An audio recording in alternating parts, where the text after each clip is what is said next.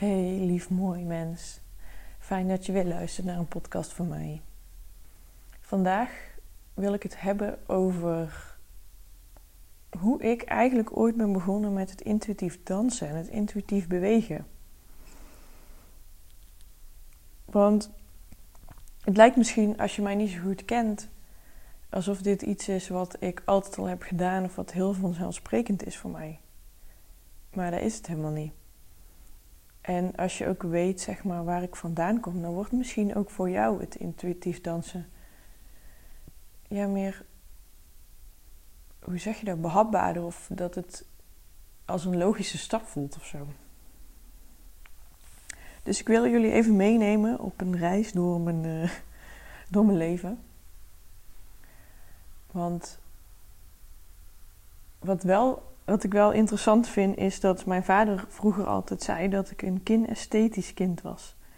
Dus ik leerde door mijn lichaam te bewegen, door, mm, door te voelen, door. Ik, ja, ik kan het beter uitleggen um, aan de hand van een voorbeeld. Ik was altijd in beweging. Mijn spel bijvoorbeeld als kind. Ik was bijvoorbeeld um, een tekening aan het maken terwijl ik op de grond zat. En dan was ik aan het tekenen, maar dan ging ik daarna ook eventjes naar de hoek om daar een, um, een pop te halen. En dan ging ik weer terug en dan ging ik weer even tekenen en dan ging ik die pop weer vervoeren in mijn fiets. En dan ging ik uh, een rondje fietsen en dan ging ik daarna weer terug om te gaan tekenen. En zo was ik de hele tijd zeg maar altijd bezig en vooral in, in beweging. Ik was niet zozeer bezig zeg maar met um, spelen met een pop als in ik maak een verhaal. Maar meer ik nam die pop mee op sleeptouw door mijn leven naar verschillende plekken. Ik was altijd fysiek bezig met mijn lichaam en ook veel uh, als kind was ik veel aan het schommelen, fietsen, rennen, springtouwen, um, maar bijvoorbeeld ook in de zandbak gaten graven. Um, ik hing ook vaak over de bank. Onze bank stond in de, de ruimte zeg maar, van de kamer, dus niet tegen de muur aan. En dan hing ik daar zo met mijn rug overheen. Of ik ging daar koprollen overheen maken of kunsten opdoen. Dus in die zin gewoon echt een heel lichamelijk en bewegelijk kind. Ook op school zat ik heel vaak op uh, één of twee stoelpoten. Want ik vond het de kunst om dan te kijken hoe lang ik kon balanceren op één stoelpoot. En ik ben echt oprecht. Ik vond dat ik er echt heel goed in was. Want ik ben nog nooit gevallen. Ondanks dat de juffrouw altijd zei van... Uh, niet doen, dadelijk val je. Maar ik wist gewoon, dit kan ik. Hier ben ik goed in. Nou je kan maar een kwaliteit hebben op school. Helaas uh, hadden ze daar geen... Uh, geen cijfers voor.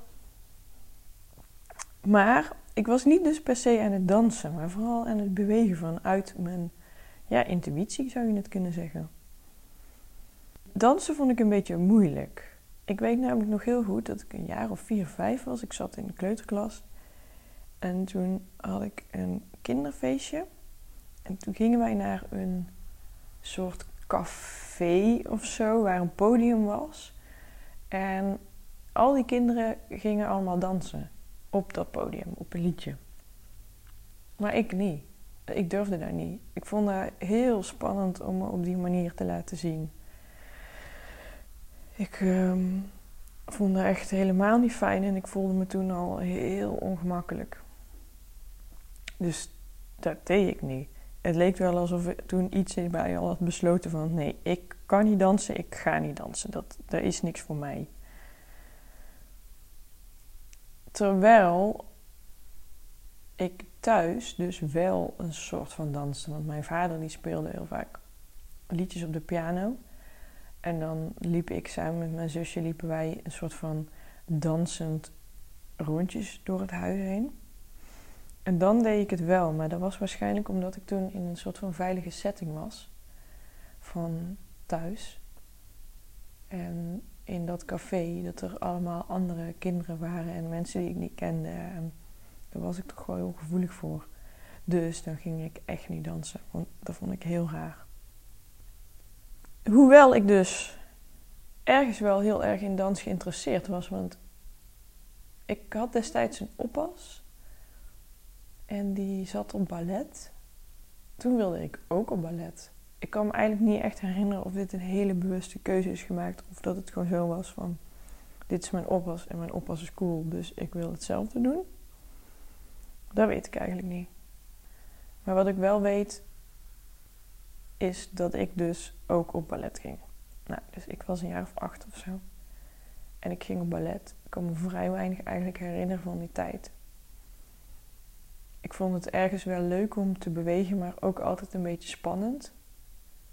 Maar ballet is in die zin natuurlijk niet intuïtief. Het zijn heel erg vaste pasjes en pliés. Dat je zo, ik weet niet eens meer wat het was, met je voeten schuin tegen elkaar moet staan. En dan moest je nou, ik weet het niet meer. Als iemand het wel weet, laat het me weten. ik weet het in ieder geval niet meer. Vond daar zeg maar geen vrijheid in of zo. Ik haalde daar niet per se plezier uit. Al vond ik het bewegen wel leuk, maar het was te statisch en volgens te veel regeltjes. Ik denk dat ik er anderhalf jaar of zo heb gedaan. En uh, toen ging ik hockeyen. En in het hockey kon ik wel heel erg mijn. Ja, dat kon ik heel erg doen vanuit intuïtie.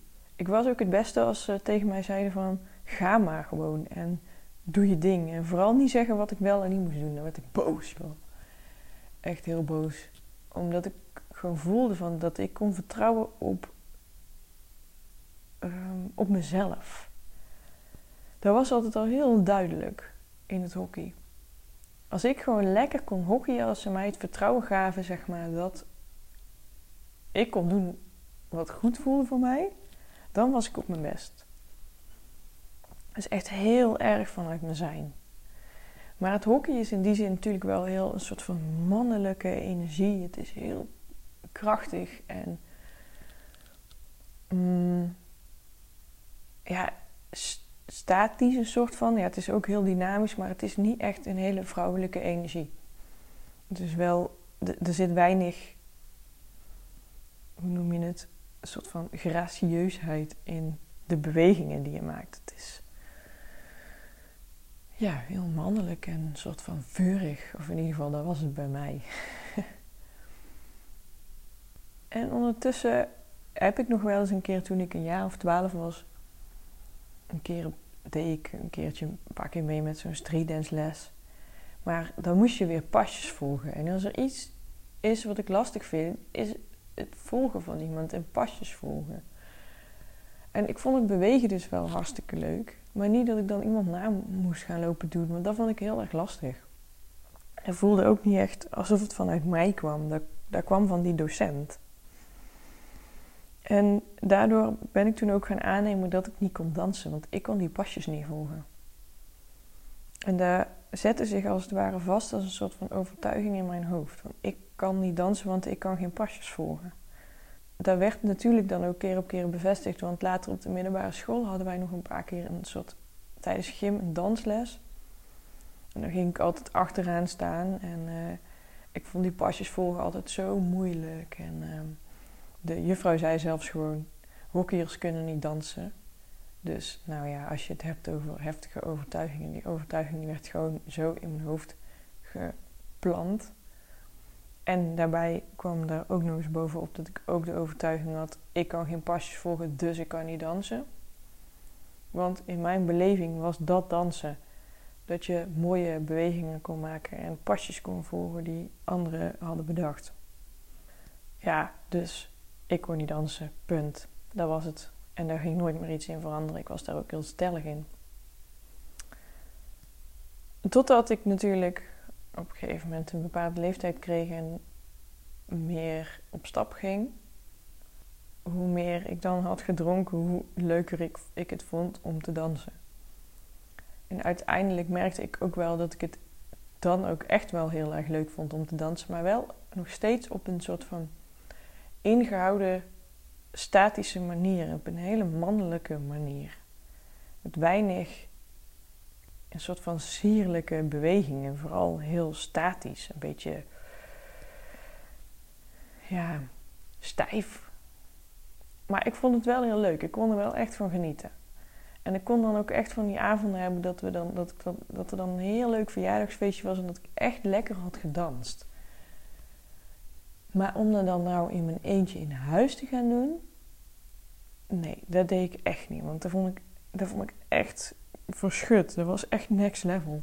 Ik merkte ook al dat ik het heel lastig vond om, uh, om bijvoorbeeld. Uh, als ik dan naar een festival ging of zo en ik had dan nog niet zoveel gedronken, om dan al te beginnen met dansen, dan voelde ik me altijd heel ongemakkelijk. En dan had ik het idee dat iedereen naar mij keek en dat ik dus, dat het dus zo zichtbaar werd dat ik niet kon dansen. Want die overtuiging zat nog steeds in mijn hoofd. Ik kan die dansen alleen als ik heb gedronken. Dat was er toen bijgekomen. En toen werd ik ouder en toen ben ik op een gegeven moment een NLP-opleiding gaan doen. En in die NLP-opleiding kwam ik er nog meer achter dat ik gewoon echt... dat ik keuzes maak vanuit mijn gevoel. Wat ik voel in mijn lichaam. En daardoor werd het stukje lichaam voor mezelf ook weer belangrijker. Ben ik een tijdje ook heel bewust gaan leven. Dat ik, um, ik lette heel erg op hoe ik at. En ik stond dan vroeg op om te mediteren. En daarbij hoorde ook dat ik dan eventjes ging dansen. En ik weet eigenlijk niet meer hoe dat is ontstaan. Ik weet alleen nog dat ik dan heel fanatiek door het huis danste op het liedje van... Hoe heet het ook alweer? Wat ze in de Efteling... Uh, van de waterlelies. En dat ik daar dan heel blij van werd. En dat ik dan daar rondjes op danste in huis. Maar ik kan me niet meer herinneren hoe deze ontstaan. Ik denk dat het toen een jaar of 24 was. Ik denk dat die opleiding NLP er wel voor heeft gezorgd dat ik gewoon meer in mijn lichaam ben gekomen. En dat ik daardoor meer bewust werd, werd van oh ja, ik maak echt keuzes op basis van mijn gevoel en dan mag ik voelen in mijn lichaam. Ik kwam toen op een gegeven moment een beetje in een lastige situatie in mijn leven. Het kwam er even op neer dat ik dus ineens geen dak meer boven mijn hoofd had. Ik had eigenlijk geen inkomen om mezelf te kunnen onderhouden. Nou, die twee pijlers maken het natuurlijk best wel lastig voor mijn gevoel ben ik van toen in een hele mannelijke energie gekomen. Om er maar voor te zorgen, zeg maar, dat ik mezelf kon onderhouden. Dus ik moest werken, ik moest een dak boven mijn hoofd.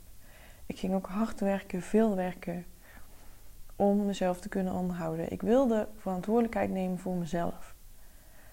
Daar hoor je natuurlijk al aan hoe ik het zeg. Echt zo heel tjak, tjak, tjak, tjak. Heel doelgericht. Echt heel erg vanuit de mannelijke actiestand. En dat was op dat moment ook echt nodig, want ik mocht echt leren om de verantwoordelijkheid te nemen over mijn eigen leven. Maar dat zorgde er ergens ook wel voor dat het stukje mm, overgave aan mijn lichaam of gevoel, zeg maar, even naar de achtergrond werd gezet. Want daar had ik geen ruimte voor. Ik had ook geen ruimte om toen te werken aan mijn beperkt, beperkende overtuigingen ik moest gewoon zorgen dat zeg maar, mijn, mijn basis goed was. En toen ben ik voor het eerst echt gaan geloven in de piramide van Maslow. Ik weet niet of iedereen die kent. Je hebt in ieder geval, moet je maar gewoon even googlen, is makkelijker. De basis bestaat in ieder geval gewoon uit eten en een dak boven je hoofd hebben. Daar was ik echt mee bezig. En op het moment dat je zo bezig bent met overleven, dan krijg je ook dus helemaal geen ruimte om te groeien in je, in je bewustzijn. Er zijn misschien mensen die dat wel kunnen, maar ik had er op dat moment echt niet, want ik was echt aan het overleven.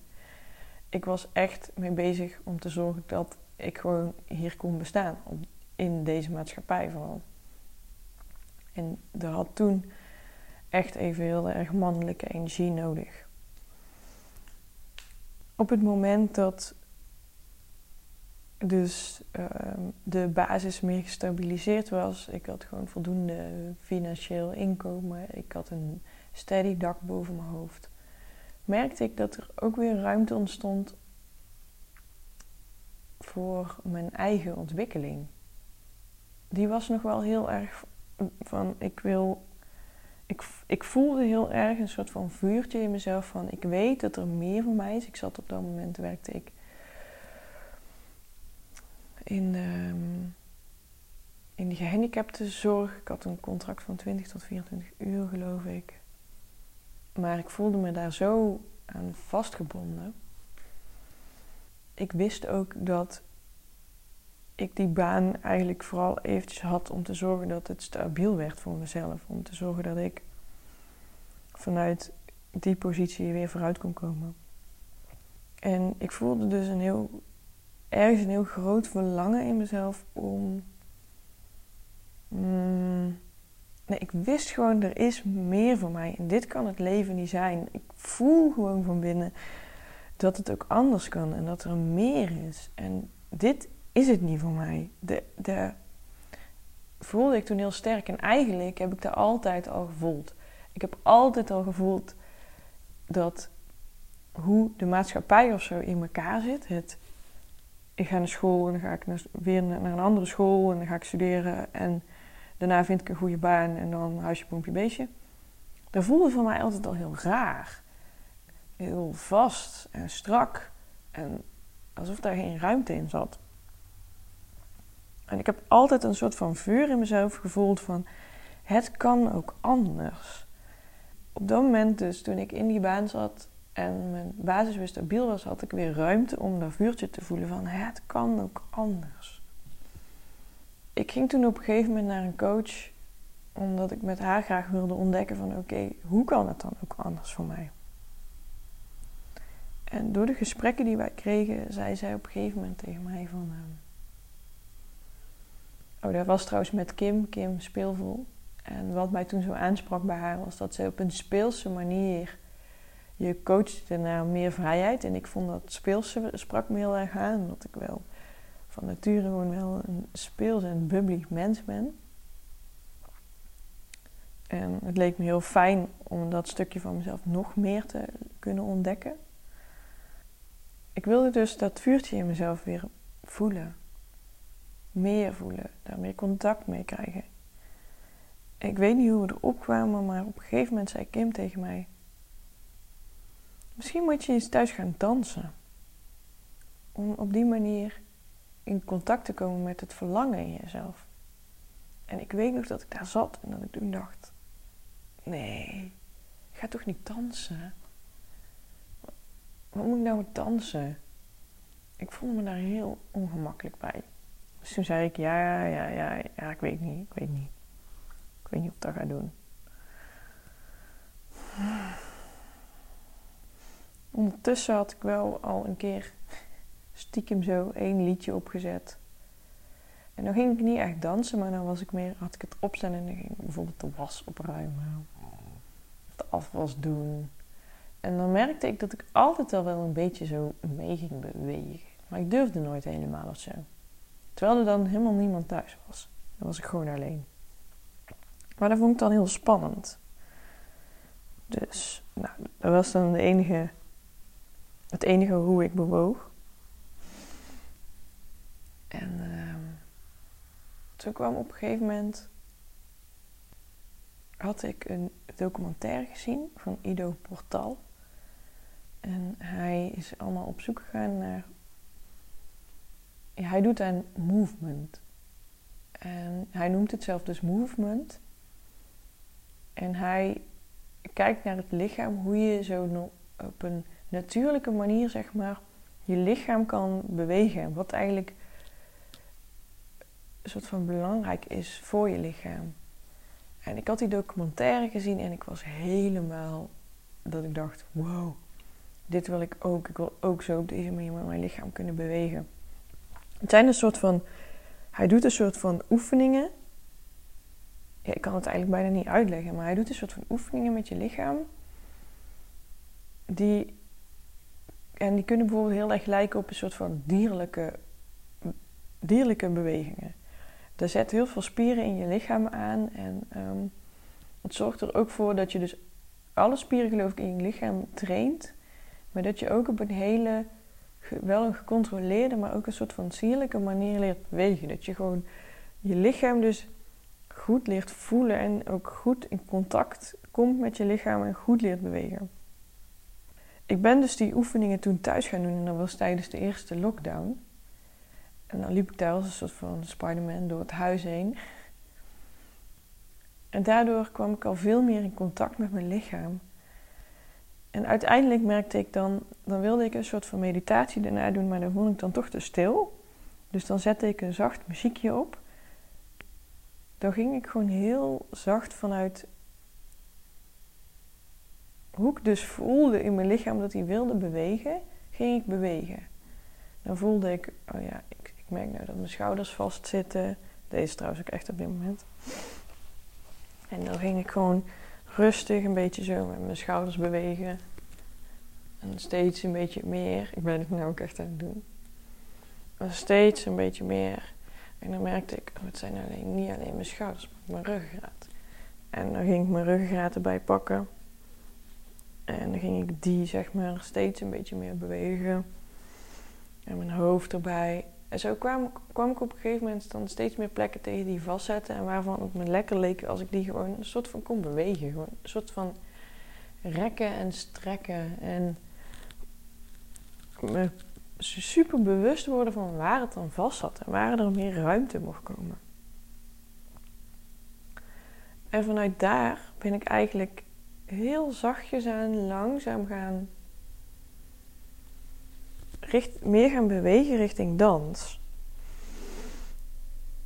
En dat ging zo stapje voor stapje. Maar ik vond het in eerste instantie wel super ongemakkelijk. Want ik wilde dan wel dat ik zeker wist dat mijn vriendin of nog sliep. Of niet thuis was. Of niet thuis kon komen. Want, en ik, gelukkig woonden wij toen op de eerste verdieping. Dus ik wilde ook echt niet dat mensen mij konden zien. Ik, deed dit echt voor mezelf. Ik vond het ook best wel spannend dat om een soort van zo openlijk vrijelijk te bewegen of zo. Omdat ik daarin mijn lichaam durfde te volgen. En op het moment dat bijvoorbeeld mijn vriendin dan thuis kwam, dan merkte ik ook dat ik acuut stopte en dat ik me dan heel beschaamd voelde. Maar ik ging er toch zo iedere ochtend mee door. En wat ik vooral toen s ochtends deed, was dat ik, het, ik noemde het soort van slow movement omdat ik echt heel langzaam zo mijn lichaam opstartte. Langzaam de dag begon en langzaam alle lichaamsdelen zo openen. Maar het werd dus steeds meer een soort van dans. Totdat ik op een gegeven moment gewoon echt merkte dat ik, dat ik gewoon echt aan het dansen was door het huis. En dit is heel geleidelijk aan dus gegaan. En ik weet ook nog dat ik op een gegeven moment op Instagram had gezet. En dat ik het zo spannend vond om me dansen te laten zien omdat ik vooral dacht, wat zullen mensen wel niet van mij denken? Ik had een tijdje terug ook een post geschreven over dat alle mensen uit mijn hockeyleven waarschijnlijk nooit zouden hebben gedacht dat ik dit zou doen. Want ik was helemaal niet per se toen het type om te gaan dansen. En ik had ook ergens het idee van: mensen hebben dit beeld van mij dat ik niet zo ben, dus dan kan ik niet nu ineens gaan dansen, want zo ben ik niet. Maar aan de andere kant had ik ook zoiets van, ja, nu dit voelt zo goed. Dit is zo fijn en het is voor mij zo'n medicijn. Ik wil dit gewoon delen met de wereld en dit is ook een deel van mij. En het voelt echt als een deel wat ik gewoon jarenlang heb weggestopt. Een deel wat nooit letterlijk de ruimte heeft gekregen om tot expressie te komen. Want ik merkte iedere keer als ik had bewogen, iedere keer als ik had gedanst of slow movement had gedaan, voelde ik me zo fijn in mijn lichaam. Ik vond het zo fijn dat ik ieder plekje in mijn lichaam zo kon voelen waar het letterlijk waar de ruimte lag en waar het vast zat en waar ik echt nog meer aandacht aan mocht geven. En ik merkte ook iedere keer als ik dan in beweging kwam, dat ik dan een bepaalde emotie voelde bij een liedje en een beweging. En en dat die dan dat die emotie ruimte kreeg en dat die vrij kon komen. En dat ik daardoor zoveel meer bijvoorbeeld de passie in mijn lichaam voelde en een verlangen kon voelen in mezelf. Maar ook een stuk verdriet bijvoorbeeld aan kon kijken. Maar ook een stuk plezier wat ik voelde in mijn lichaam extra kon vergroten. Um, ja, op een gegeven moment voelde ik van ja, waarom zou ik dit, waarom zou ik dit tegenhouden? Alleen maar omdat ik het idee heb dat andere mensen dit niet van mij verwachten. Ik slinger dit gewoon de wereld in en ik zie wel waar het schip strandt. Dus, zo geschiedde. En toen ben ik uiteindelijk steeds meer gaan bewegen. En ben ik ook naar de Aesthetic Dance avond van Romy gegaan, de positieve optimist op Instagram. En sindsdien, toen, toen ik daar ben geweest, was het hek van de dam. Ik voelde echt aan alles. Wow, wat heb ik dit gemist in mijn leven? Heb ik het gemist om vanuit mijn zijn te kunnen bewegen, vanuit binnenuit expressie te geven gewoon aan alles wat ik voel in mijn lichaam. Het was echt zo'n openbaring dat ik er nou nog steeds helemaal emotioneel van word. Maar het heeft me zoveel gebracht. Doordat ik steeds meer ben gaan bewegen en steeds meer ben gaan voelen, merkte ik ook: hé, hey, ik ben een vrouw en ik zit in een vrouwenlichaam. In ieder geval zo voelt het voor mij. Ik weet dat dat niet voor iedereen zo voelt. Ik wil dit stukje vrouw in mezelf voelen en omarmen. Ik wil vanuit mijn ja, kern kunnen bewegen en vanuit een stukje vrouwelijkheid mijn lichaam sierlijk kunnen bewegen. En ik ben me toen echt op een bepaalde manier meer vrouw gaan voelen. Dus dat, dat statische wat in het hockey zat, dat, die mannelijke energie, wilde ik echt een soort van gaan verruilen voor die zachte vrouwelijke energie voor ronde bewegingen, zachte bewegingen, kleine bewegingen. Naar binnen gericht, ontvankelijk voor, voor de muziek en voor alle emoties ook die er daarbij komen kijken. Door dus te dansen ben ik gaan voelen van hé, hey, ik kan door te bewegen letterlijk thuiskomen in mezelf. Ik kan mezelf daardoor belichamen. Ik kan emoties die ik voel door me heen laten stromen. En als het ware, ja, dat echt embodyen.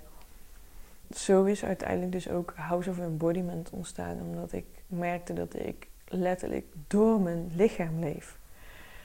Door alles te voelen wat er te voelen valt. Door uh, het bewegen van mijn lichaam gewoon alles met het lichaam. En, en ik voel ook, zeg maar, dat ik dus in die zin met het lichaam van, met, door mijn lichaam, met het lichaam van anderen kan werken. En ik merk ook dat door het dansen en door het bewegen word ik ook een betere lichaamswerker. Omdat ik meer contact ben met mijn eigen zijn, met mijn eigen lichaam.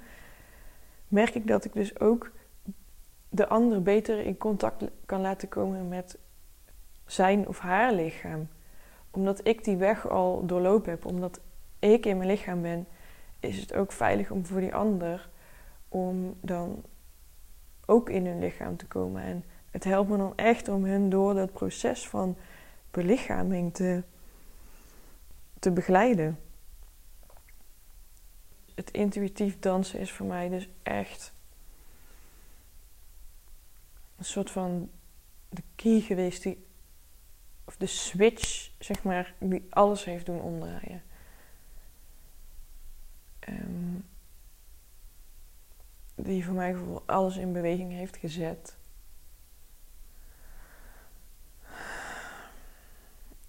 Daarom ben ik zo gepassioneerd om anderen mee te nemen in het intuïtief dansen. Omdat ik, als je zo'n sessie hebt gedaan en je neemt daarna even de tijd om te voelen in je lichaam wat er is gebeurd en hoe je, het is gaan stromen in je lichaam. Dan voel je dat er zo, er is dan zoveel in gang gezet en letterlijk geopend en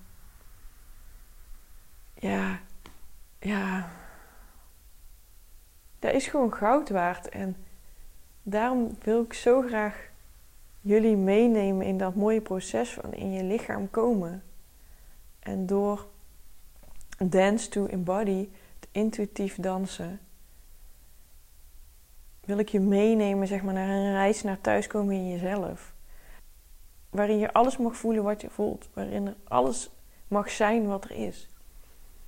Maar dus ook heel belangrijk te zijn met bijvoorbeeld de restricties in je lijf. Dus stel dat je of zwanger bent, dan kun je ook meedoen en dan kijk je gewoon zeg maar hoe kan ik nu met mijn lichaam bewegen zodat het, zodat het fijn voelt. En waar zit, ik dan, waar zit dan die pijngrens voor mij? Probeer te bewegen binnen die restricties, zodat het een soort van veilig blijft. En ook als je ergens last van hebt in je lichaam. Je hoeft dus niet, niet heel groot te dansen. Je kan ook heel klein dansen. Ik doe ook wel eens dat ik gewoon op de grond lig en alleen maar met mijn handen beweeg. En dat kan dan al zoveel in beweging zetten dat ik die muziek door mijn lichaam laat stromen en voel wat het met me doet van binnen. En dat ik dan alleen al rustig met mijn handen beweeg, omdat ik voel dat dat het enige is wat ik op dat moment aan kan of nodig heb. Maar dat het al wel zorgt dat er iets in beweging is gezet. Gewoon iets. Al is het zo klein. Dus het mooie is ook ervan, het hoeft niet mooi te zijn en het hoeft niet goed te zijn. Het is gewoon zoals het is. Ik heb dus ook nooit professioneel gedanst of goed gedanst. Ik doe ook maar wat. Ik doe gewoon wat mijn lichaam ingeeft me te doen en hoe ik me voel. Dus weet dat er ook niks is om voor, voor te schamen.